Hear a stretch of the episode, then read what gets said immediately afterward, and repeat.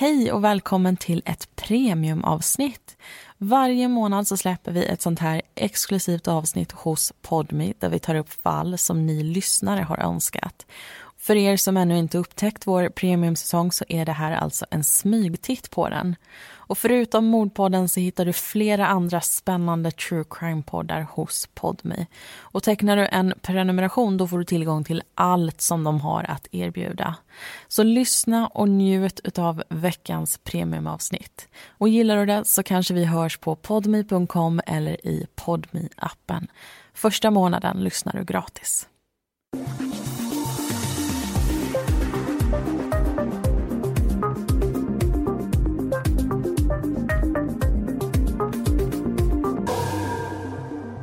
Den 22 september 1988 hör Nico ljud från lägenheten över honom.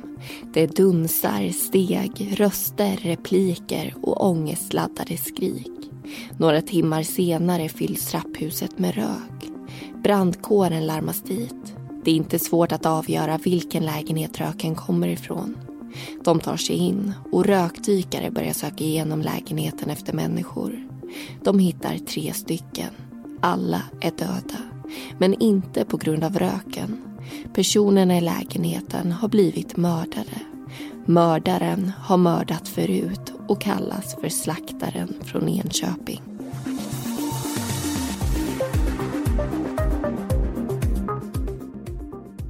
Du lyssnar på Mordpodden, en podcast om den mörka verkligheten.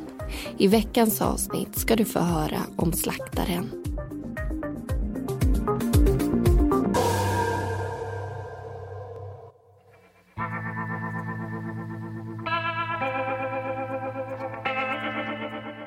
I tätorten Tumba i Stockholms län bor Nico. I lägenheten över honom bor Peter. Byggnaden är dåligt isolerad. Därför är det också väldigt lyhört. Nico brukar ofrivilligt få lyssna på alla fester som Peter har. Den 21 september 1988 är inget undantag. Personerna i Peters lägenhet festar loss med alkohol och en grammofon spelar på hög volym. Men även om det kan vara irriterande när grannar väsnas så är det ingenting jämfört med ljuden han skulle få höra från Peters lägenhet kvällen därpå. Det är den 22 september. Klockan är ungefär halv sex på kvällen. Nico sitter hemma och tittar på tv men ljudet är avstängt så han förstår snart att det kommer bli fest över honom även ikväll. Oavsett om han vill eller inte hör han allt som händer i Peters lägenhet. En kvinna frågar om det finns sprit hemma. Sen är festen igång och snart kommer ytterligare en person in i lägenheten. Är det du? frågar kvinnan. Efter det börjar de obehagliga ljuden. Ljud som inte skulle få någon förklaring förrän dagen därpå. Ett skrik hörs det låter som att skriket kommer från det första sovrummet innanför lägenhetsdörren. Nico tror att det är Peters 74-årige pappa Bertil. Efter skriket verkar det som att någon ramlar ihop. Sen hörs inte Bertils röst något mer. Ett skarpt ljud når nu Nikos öron. Det låter som ett klickande. Sen hör han en ny kvinnlig röst som frågar om Peter är hemma. Kvinnan som redan är i lägenheten svarar att Peter inte är där och att de inte vill ha något besök. Men kvinnan ber ändå om att få komma in en stund.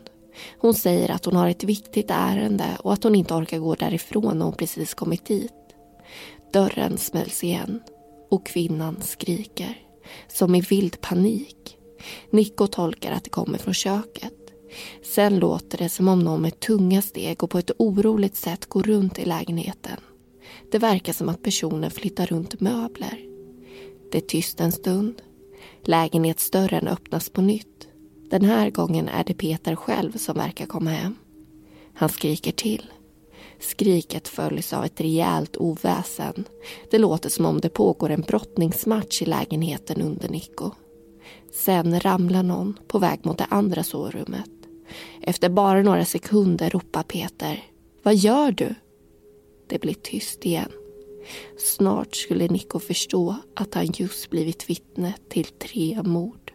Anna bor på samma gata som Nico och Peter och är på väg hem efter en lång arbetsdag.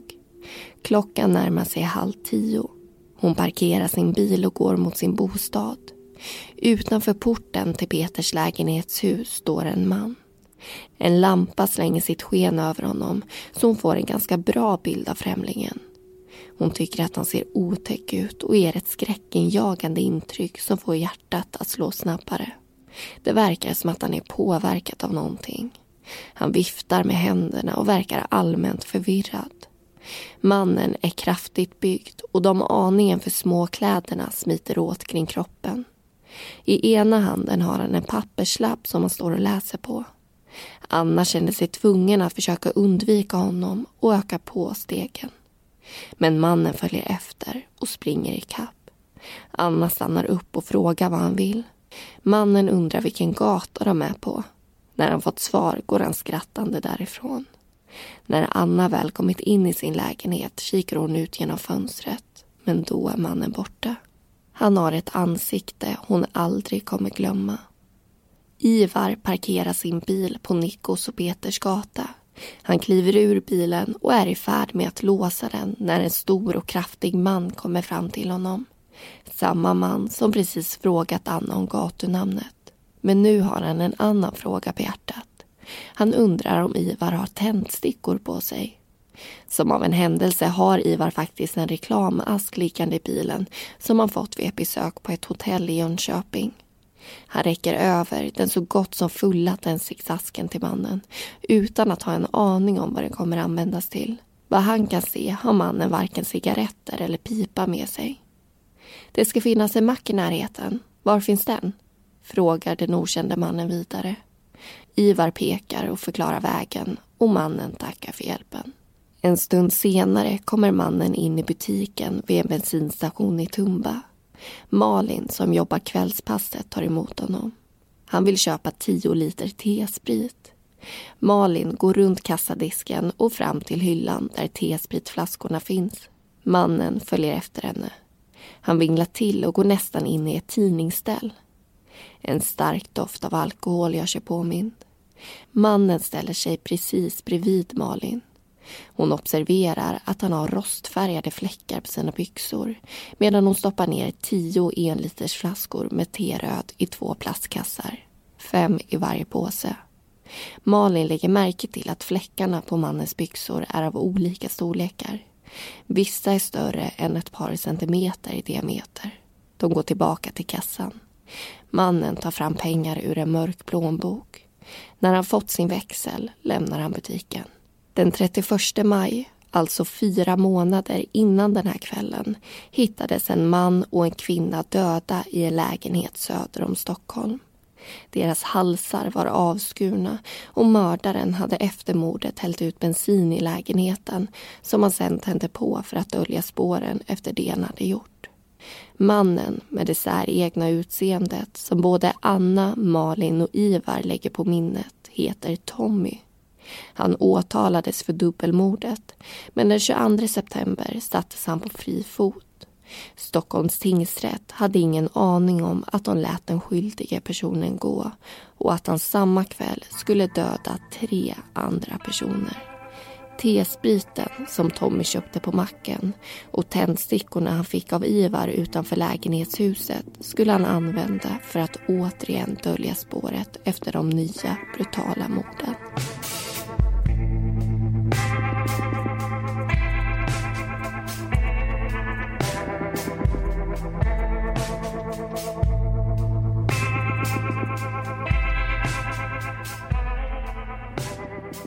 Då ska vi diskutera det här fallet lite. Och först så vill vi säga, Amanda och jag, tack så mycket till alla er som har blivit premiumlyssnare och som lyssnar på det här fallet och de här avsnitten som vi gör nu eh, lite senare in på året. Alltså det betyder jättemycket för oss att ni vill vara med och just stödja oss och eh, vårt arbete. Det här fallet som vi ska berätta om idag, det är ett väldigt speciellt fall och vi ska säga som så att tack och lov så är det också ett väldigt ovanligt fall. För det handlar ju om en person som mördar så många personer och också gör det på ett väldigt brutalt sätt. Ja, och även att han mördar många personer och vid flera tillfällen så kallas han ju faktiskt inte för en seriemördare utan för att vara en seriemördare så måste man ha mördat minst tre personer vid tre olika tillfällen. Och Tommy han mördar ju fem personer så där fyller han ju det ena kriteriet men han gör det ju vid två olika tillfällen så därför klassas han inte som det. Däremot så klassas han under kategorin massmördare för det innebär att eh, personen ska ha mördat minst tre personer inom kort tid och eh, vid samma tillfälle och det gör ju faktiskt Tommy. Och jag och jag tror många, många andra har så svårt att förstå hur man är både psykiskt och fysiskt kapabel till att mörda en person. Och tänk då att han mördar fem. Och jag känner att jag undrar och verkligen skulle vilja veta hur man mår efter att ha gjort något sånt. Hur man tänker, hur man känner och hur mycket man reflekterar över det efteråt. Går det att tänka på något annat överhuvudtaget? Och jag har så mycket frågor när det gäller det här. Mm. Jag tror inte du är ensam om att känna så. Eh, mina tankar kan jag säga som snurrar lite kring det här, det är att eh, rimligen så borde ju Tommy ha antingen en antisocial personlighetsstörning eller en psykos eller en person som utför den här typen av brott borde ha det. Och då är ju de här känslorna som skuld och empati, i alla fall i antisocial personlighetsstörning, inte så framträdande, alltså de finns inte där och då tror jag inte att man tänker på det så som du eller jag hade tänkt på det. Och det han utför det är ju dels ett dubbelmord men det är också ett trippelmord. Och vi ska prata lite om trippelmord i Sverige. För mellan 1981 och 2017 så skedde det sju stycken trippelmord i Sverige. Det här är en period på 36 år ska vi säga, så det är ganska lång tid. Eh, Aftonbladet de har sammanställt de här morden, de här trippelmorden i en lista och vi tänkte att vi ska dela med oss av dem. Och eh, ja, vi kan väl dra varannan, Amanda, eller? Ja, men för enkelhetens skull så kan vi faktiskt eh, börja och berätta dem i kronologisk ordning tänker jag. Så vi börjar helt enkelt med 1981.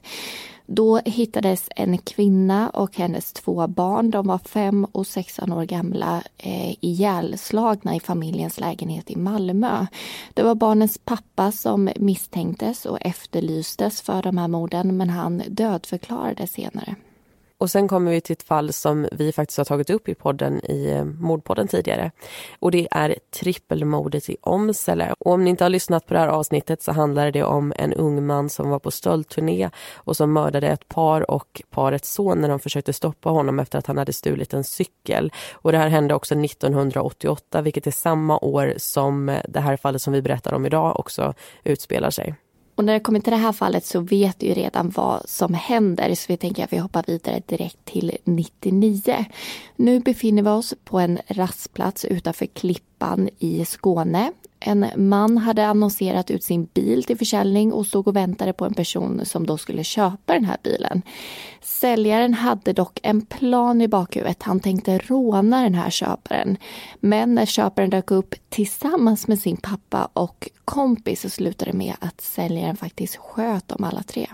Och året därpå, 2000, så skjuter en man ihjäl sin före detta fru och han skjuter även ihjäl sina två barn som är 10 och 13 år gamla vid det tillfället. De bor i Skoghall när det här sker utanför Karlstad. Och den här mannen han skjuter också ihjäl familjens hund och sen så tar han livet av sig själv. Ja, och här skulle jag vilja flika in. För när någon, precis som i det här fallet som du pratar om, tar livet av någon eller några och sen även tar livet av sig själv, så brukar man kalla det för ett utökat självmord. Och det här tycker jag är ett väldigt märkligt begrepp som jag faktiskt inte gillar överhuvudtaget. För jag tycker att självmord är en sak och mord någonting helt annat och att det är viktigt att särskilja de här sakerna för genom att slå ihop det så blir ja, själva mordet blir nästan förskönat och eh, förmildrat kan jag tycka. Men att själv ta sitt liv, det befriar ju inte gärningspersonen från ansvar tänker jag. Oavsett om han eller hon tar sitt liv eller inte så har ju personen fortfarande begått ett mord. Och därför tycker jag inte om det begreppet. Mm. Jag förstår att du reagerar på det. Jag kan tycka också att det är ett ganska eh, lustigt uttryck att använda, att det är utökat självmord. Men eh, eh, det jobbigaste med just de typen av fall tycker jag är, det är att det inte blir någon utredning många gånger. Alltså det är många av frågorna som inte får ett svar. Det tycker jag är det jobbigaste med det. Mm, jag håller med. Och nu så hoppar vi vidare i den här listan och vi är framme vid 2001. En man slår ihjäl sin före detta flickvän med en sten på en golfklubb utanför Göteborg. Och några dagar senare så har han ihjäl en annan före detta flickvän och han hinner också döda en krögare innan han blev tagen av polisen. Här har vi alltså en seriemördare som vi pratade om i början av diskussionen, alltså en person som dödat minst tre personer vid tre olika tillfällen. Och det sista trippelmordet som finns med på den här listan från Aftonbladet det skedde alltså 2010. Då är det en 21-årig man, alltså en ganska ung förövare som mördar sina småsyskon och gömmer dem under sin säng i en källare i Härnösand. Och sen sätter han sig och väntar och så väntar han på att styvpappan ska komma hem och när han gör det så har han ihjäl honom också. Ja, och nu när vi dragit igenom den här listan så känns det som att det sker trippelmord hela tiden överallt bara för vi pratat om det. Men det är ju tack och lov väldigt ovanligt. Det är som när man ser på nyheterna så tror man att det krigas precis överallt, det rånas överallt. Men det handlar ju om att man i nyhetsrapporteringen faktiskt inte tar upp saker som fungerar bra för att det då är en icke-nyhet. Men vi bara tänker så att man inte får en en skev verklighetsuppfattning för att vi drar igenom en sån här lista. Som vi sa i början också så är det sju fall men det är en tidsrymd på 36 år så det är en lång tid. Och innan vi lyssnar vidare på berättelsen så tänkte jag att vi ska också gå in och prata lite om just Tommy. Tommy som det här avsnittet handlar om, han mördar alltså fem stycken människor. Eh, och det vi kan säga det är att det här inte är hans första brott utan han förekommer under 29 avsnitt i brottsregistret och han har också ett stort antal domar som avser just våldsbrott innan det här sker. Och en person som vi kallar för Per har träffat Tommy flera gånger och han har några ganska obehagliga minnen som vi tänkte berätta om. För de säger nämligen ganska mycket om hur Tommy reagerar när han blir arg. Per blev hur som helst hembjuden till Tommy och Tommys flickvän som han var tillsammans med då. Och det var första gången som Per var där och han blev bjuden på både mat och dryck och de hade helt enkelt en trevlig hemmakväll. Men efter den här middagen så kramade Per om Tommys flickvän för att på det sättet tacka för maten. Han, han menar ingenting mer än så. Men det här skulle han alltså inte ha gjort. Nej, inte enligt Tommy i alla fall. För Tommy han blir ju rasande när det här sker och han eh, går därifrån. Han hämtar en yxa som han sen går och visar upp för Per samtidigt som han frågar om han vet vad det är för någonting som han håller i handen.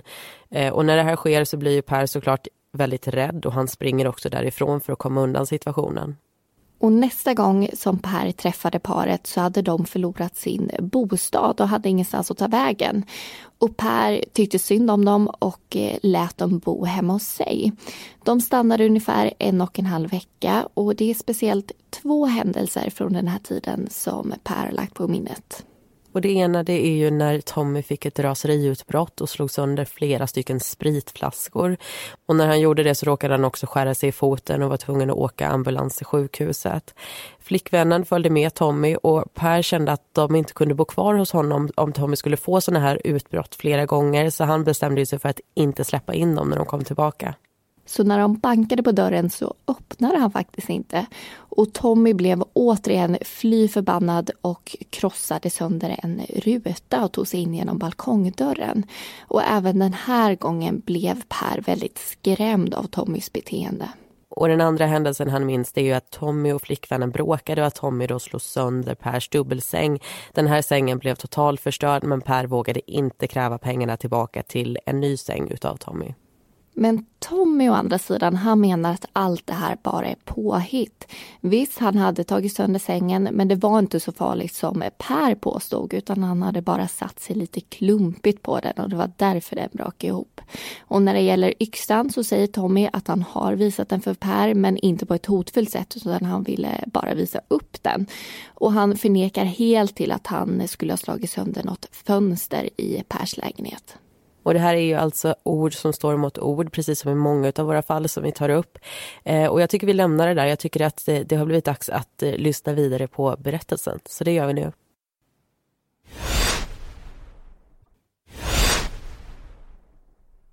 Mm.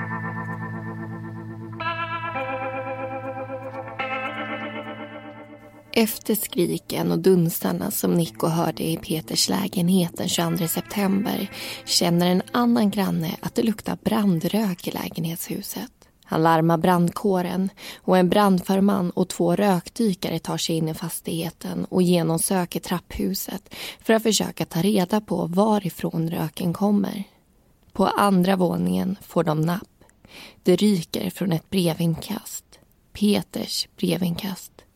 De springer genast ner till brandbilen och hämtar upp utrustning. Dörren till lägenheten är olåst. De två rökdykarna börjar söka igenom bostaden.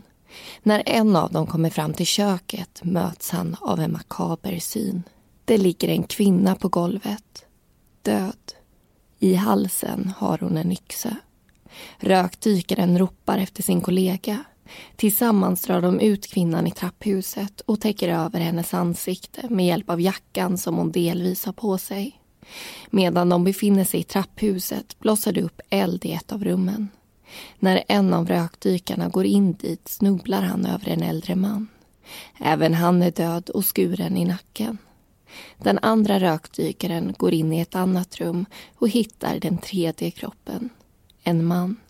Han ligger på rygg med ett sår i halsen. Personerna som hittats döda är lägenhetsinnehavaren Peter, hans pappa Bertil och en kvinna som heter Kristin. Tre personer blir på en gång intressanta i utredningen. Tommy, Michelle och Niklas. Michelle har en koppling till alla tre offer. Niklas och hon inledde ett förhållande med varandra i slutet av 1987. De bodde tillsammans i hans lägenhet. Men någon gång efter midsommar blev Michelle tillsammans med Peter och flyttade hem till honom. Men hon fortsatte ha kontakt med Niklas och bodde delvis hemma hos honom också. Det här skapade en viss svartsjuka hos de båda männen.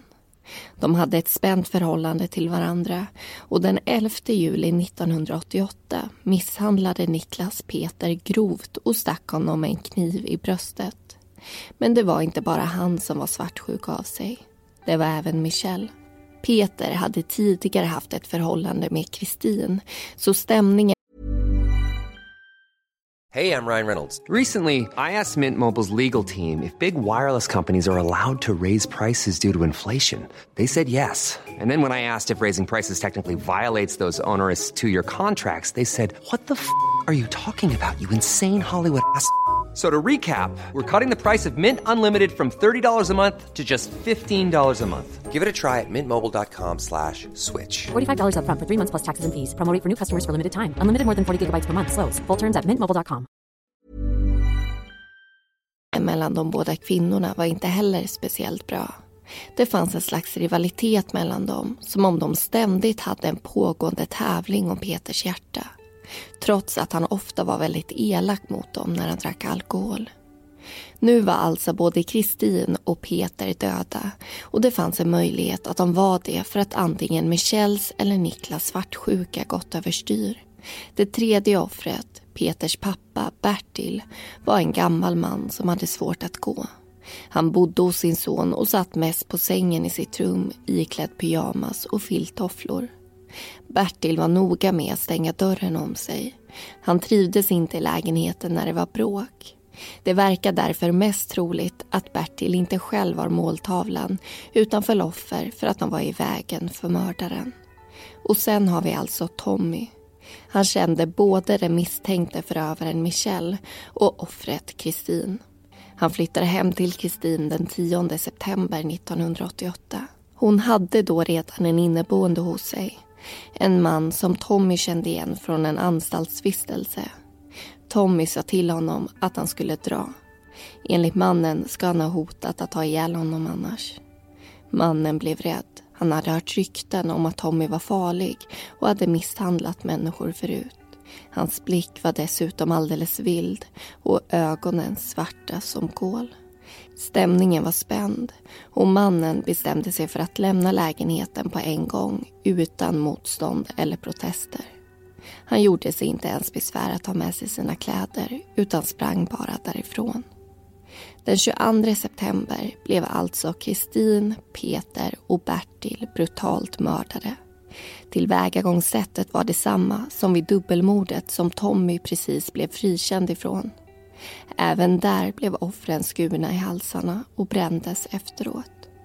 Men Tommy menar att hans dag den 22 september såg ut så här. Tommy befinner sig i Kristins lägenhet när det bankar på dörren. När han öppnar möts han av Kristin och två män. Hon berättar att de rymt från ett behandlingshem. Männen byter lås i dörren och går sen iväg.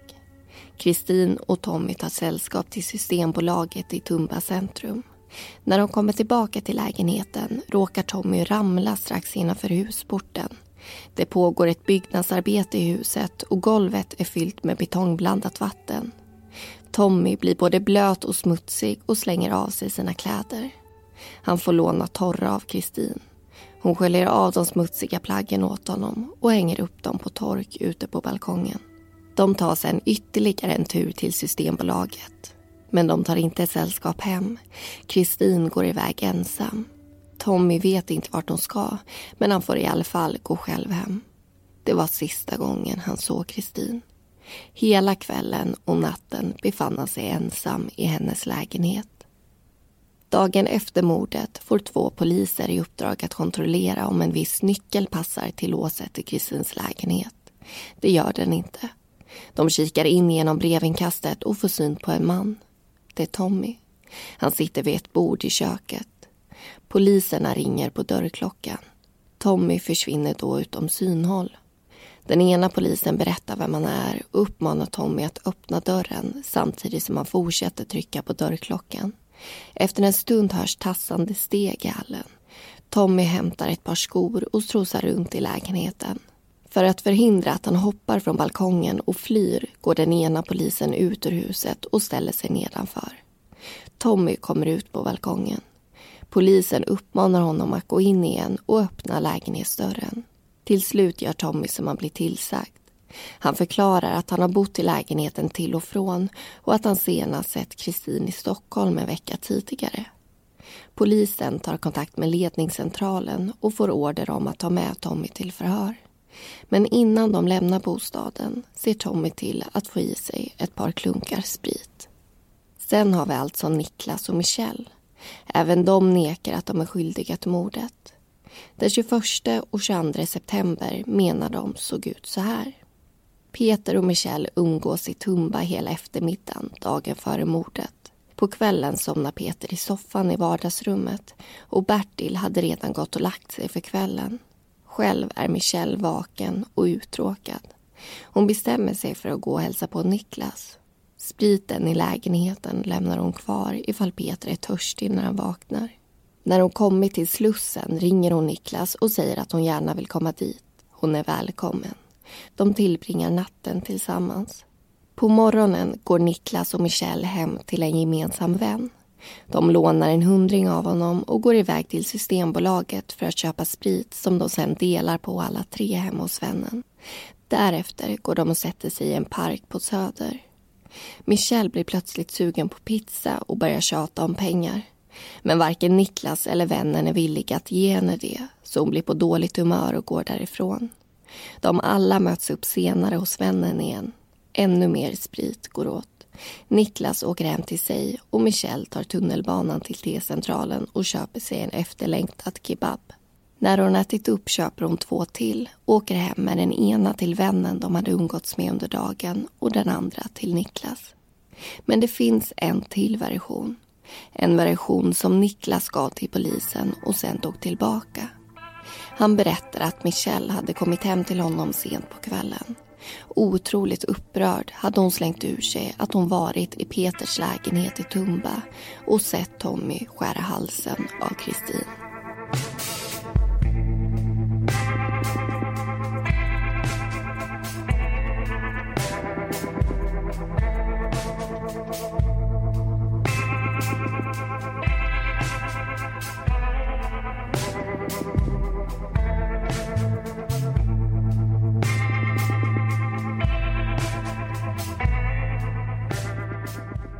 Då har det blivit dags för den andra diskussionen i det här fallet som vi tar upp idag, alltså slaktaren. Vi ska hoppa både bakåt i tiden och vi ska hoppa framåt i tiden. Men jag tänkte att vi börjar med att hoppa bakåt och eh, berätta om det första mordet, alltså det här dubbelmordet som Tommy begick, som vi bara nämnde lite snabbt. Mm, och det här dubbelmordet det hände natten till den 31 maj 1988. Tidigt på morgonen därpå så kom Tommy till ett härberge där han berättade för två personer att han citat slagit ihjäl ett par stycken och tänt på. Ni får läsa om det i tidningen imorgon. Personerna som mördades det var Tommys före detta flickvän och mannen som bodde i den här lägenheten där mordet begicks. Och Tommy han nekar alltså till de här morden och han frikänns av tingsrätten som inte känner att de har tillräckligt med bevisning för att få till en just fällande dom. Han försätts på fri fot och eh, det här ärendet det skulle tas upp på nytt av hovrätten men innan man kommer dit så begår han alltså de här nya morden. Och nu ska vi hoppa framåt i tiden. Vi ska hoppa till att Tommy faktiskt har blivit dömd för de här morden som han har begått. Tommy han menar ju att han är oskyldigt dömd. Han menar att han inte har velat göra några intervjuer genom åren. Men eh, vid ett tillfälle så har han faktiskt gjort ett undantag vad gäller det här. Och det är Aktuell Rapport som har fått träffa honom. Reporten har träffat honom på Kronobergshäktet i Stockholm. Det här är strax innan han ska förflyttas till en permanent avdelning på ett fängelse. Ja, och under, den här, under det här mötet så får han frågan vad som får honom att se rött. Alltså vad som gör honom riktigt, riktigt förbannad. Och på den frågan så svarar han så här. När folk lovar en sak och inte håller det, då blir jag förbannad. Eller när människor springer med svansen mellan benen. Och det ska vara ordning, annars blir jag förbannad. Man ska kunna lita på folk, annars blir jag förbannad. Om någon snor från en kompis, då blir jag förbannad. Med andra ord så är det ju ganska många saker som får honom riktigt, riktigt upprörd och han verkar ha väldigt nära till sina aggressiva känslor om man ska tolka det här. Mm. Och det intressanta, det känner jag, är att även om man har väldigt lätt för att bli förbannad och också ta till våld när det sker, så ser ju Tommy sig själv som en väldigt snäll och en väldigt fin människa. Han säger till den här reporten att han är snällare än de flesta, han är rak och han är ärlig. Och med det här så menar han att han aldrig skulle ge sig på någon som inte har gjort honom illa på något sätt och att det är därför väldigt dumt att folk också kallar honom för en av Sveriges farligaste personer. Och Tommy han har haft en väldigt tuff uppväxt. Han växte upp utanför Enköping med tre bröder och tre systrar. De bodde ute på landet och hans mamma var enligt han själv en väldigt godhjärtad kvinna. Men hans pappa slog honom i stort sett varje dag. Själv tror han att mycket hade kunnat vara annorlunda om han hade växt upp med en annan pappa. Men han tror inte att han kan skylla hela hans kriminella bana och missbruket bara på honom utan att det faktiskt är flera olika faktorer som spelar in. Och han får också en fråga av den här reporten om han någon gång har gjort någonting som han verkligen ångrar. Och på det så svarar Tommy att han någon gång under grundskolan knuffade en flicka som flög in i ett trästaket och fick hela armen full av fliser. Och det här är en händelse som har följt honom och eh, genom åren också varit någonting som han har tänkt väldigt mycket på. Och det är faktiskt en till artikel vi vill prata om innan vi hoppar vidare. Den har publicerats av Expressen och den handlar också om tiden efter domen. Artikeln skrevs 2014 och då hade Tommy suttit inne i 25 år. Han benämns både vid namn men beskrivs även som slaktaren från Enköping. Och I artikeln så står det att han ansökte om permission från en anstalt som han satt på utanför Eskilstuna. Och Det här gjorde han den 28 april. Tre månader senare så fick han beskedet att han var tvungen att vara mer specifik och förklara vad han hade tänkt göra i frihet om den här permissionen beviljades. Och Det som Tommy beskriver i det här, det han önskar göra, det är att han vill Head over to Hulu this March where our new shows and movies will keep you streaming all month long. Catch the award winning movie Poor Things, starring Emma Stone, Mark Ruffalo, and Willem Dafoe. Check out the new documentary, Freaknik The Wildest Party Never Told, about the iconic Atlanta Street Party. And don't miss FX's Shogun, a reimagining of the epic tale, starring Anna Sawai. So, what are you waiting for? Go stream something new on Hulu. Köpa tandtråd.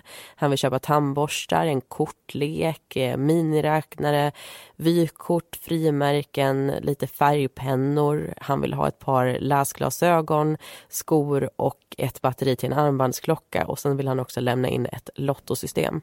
Och den 5 augusti så kom beskedet att Tommy skulle få en bevakad lufthålspermission för att uträtta de ärendena som han då hade önskat. Och jag, när jag läser det här så undrar jag hur det känns att komma ut när man suttit i fängelse i 25 år. Jag får för mig att det måste kännas som att titta in i någon slags eh, låtsasvärld eller hur jag nu ska beskriva det. Jag tänker att det måste vara svårt att förstå att världen utanför fängelset hela tiden pågår och att man själv inte är en del av den. Det är väldigt svårt att föreställa sig. Eh, jag hoppas aldrig jag behöver veta hur det känns ska jag säga. Och eh, med det så tycker jag att det har blivit dags för oss att lyssna på den här sista delen av berättelsen och ta reda på vad det var som egentligen hände den här höstdagen 1988.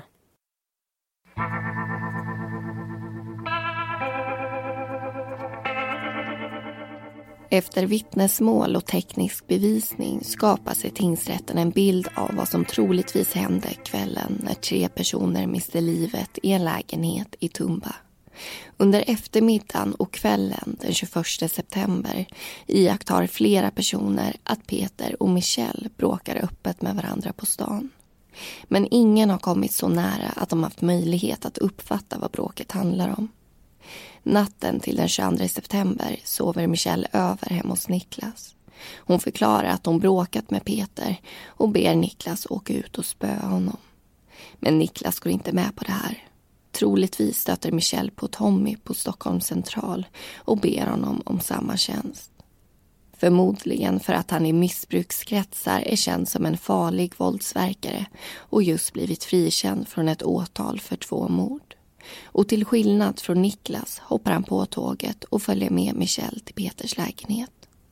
De kommer fram ungefär klockan åtta på kvällen och släpps in av Peter själv. Han har på sig en vit t-shirt och smeker Michelle över kinden samtidigt som han sätter ett finger för munnen för att uppmana dem om att vara tysta.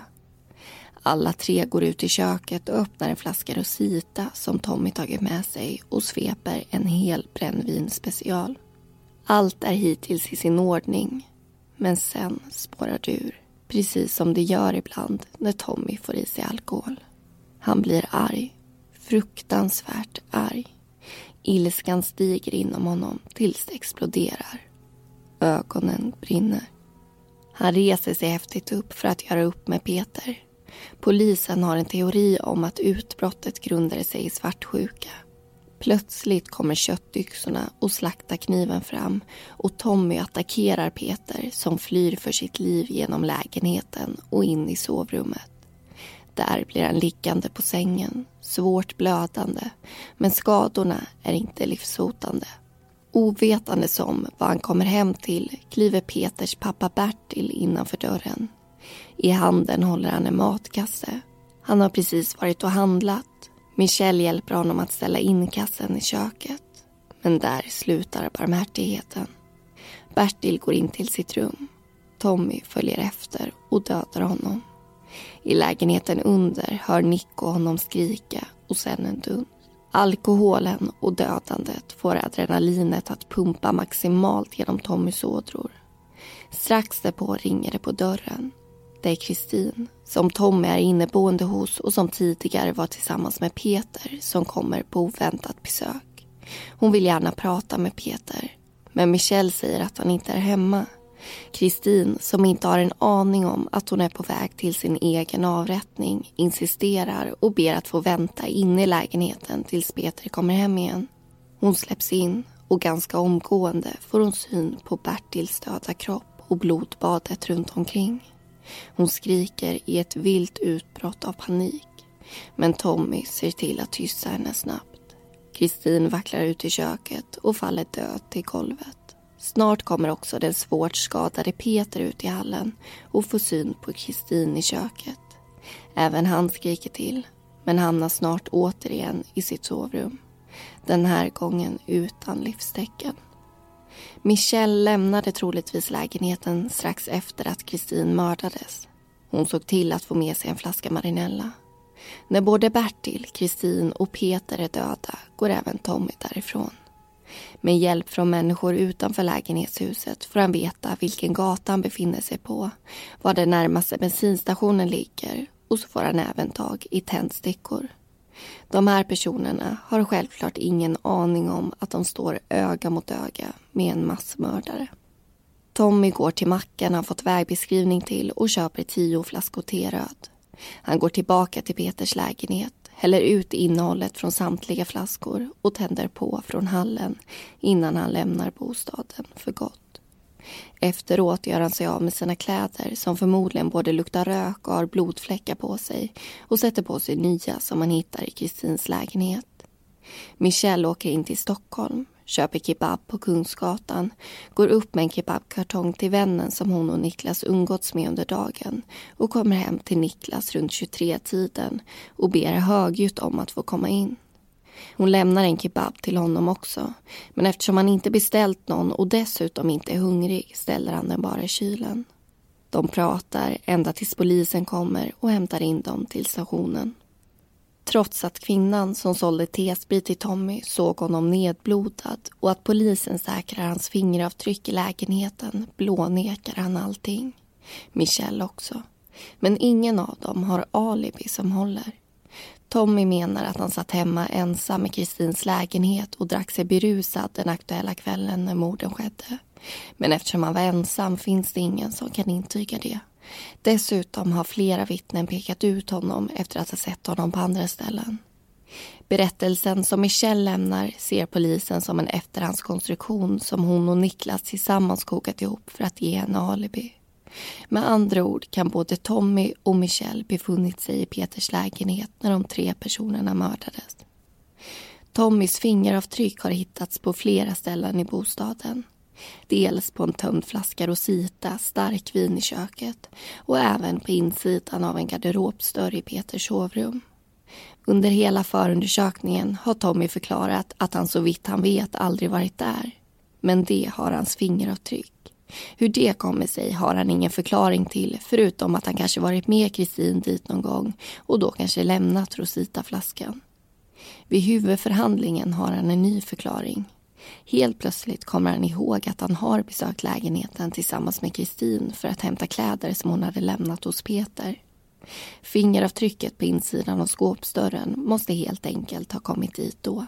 Men Michelle säger att hon bott tillsammans med Peter flera månader i lägenheten och inte kände till att Kristin förvarat några kläder där. En äldre man som brukar komma på besök i stort sett dagligen hade aldrig sett eller hört talas om någon Tommy. Så tingsrätten tror att hans förklaring till varför fingeravtrycken hamnat där inte stämmer och att han i själva verket aldrig varit i lägenheten förut. Det styrks även av att han efter morden frågat runt var han befann sig och behövde vägbeskrivning. När Tommy grips den 23 september har han på sig kläder med dålig passform som uppenbarligen inte är hans egna utan något han hittat i Kristins lägenhet. Kläderna som han hade på sig under mordkvällen är borta. Som förklaring säger Tommy att han under eftermiddagen hade druckit lite för mycket och råkat ramla omkull i betongvatten i husets trappuppgång. Kristin tvättade både hans kläder och skor och hängde upp det på tork på balkongen. Där måste de sen ha blivit stulna. Att någon skulle göra sig besväret att klättra upp till balkongen två våningar upp och stjäla kläder och skor anser inte tingsrätten är speciellt troligt. Så den förklaringen köps inte heller. Idag är alltså Tommy dömd mot sitt nekande för några av de mest bestialiska morden i svensk kriminalhistoria. Han växte upp på landsbygden utanför Enköping och fick lära sig hur djur skulle slaktas. En kunskap han tog med sig när han blev vuxen och bestämde sig för att ta livet av människor. Det är inte för intet som han har fått smeknamnet Slaktaren från Enköping.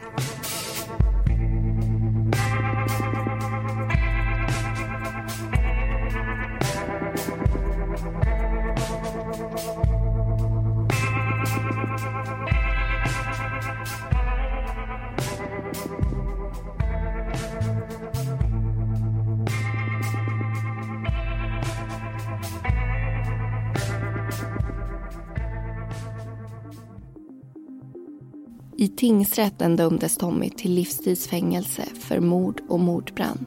Michelle dömdes till sex års fängelse för medhjälp till mord. Men i hovrätten ogillades åtalet för Michelle och hon dömdes bara för stöld och snatteri. För det fick hon två månaders fängelse. Men för Tommy blev hovrättsdomen tuffare. Där dömdes han även för de två morden och mordbranden som skedde i maj. Och det var allting vi hade att berätta om slaktaren. Alla personer förutom Tommy heter egentligen någonting annat och informationen är hämtad från domarna i fallet och artiklar från Aktuell Rapport och Kriminaljournalen. Tack så mycket för att du har valt att stötta vårt arbete och bli premiumlyssnare. I maj är vi tillbaka med ett nytt avsnitt. Missa inte det.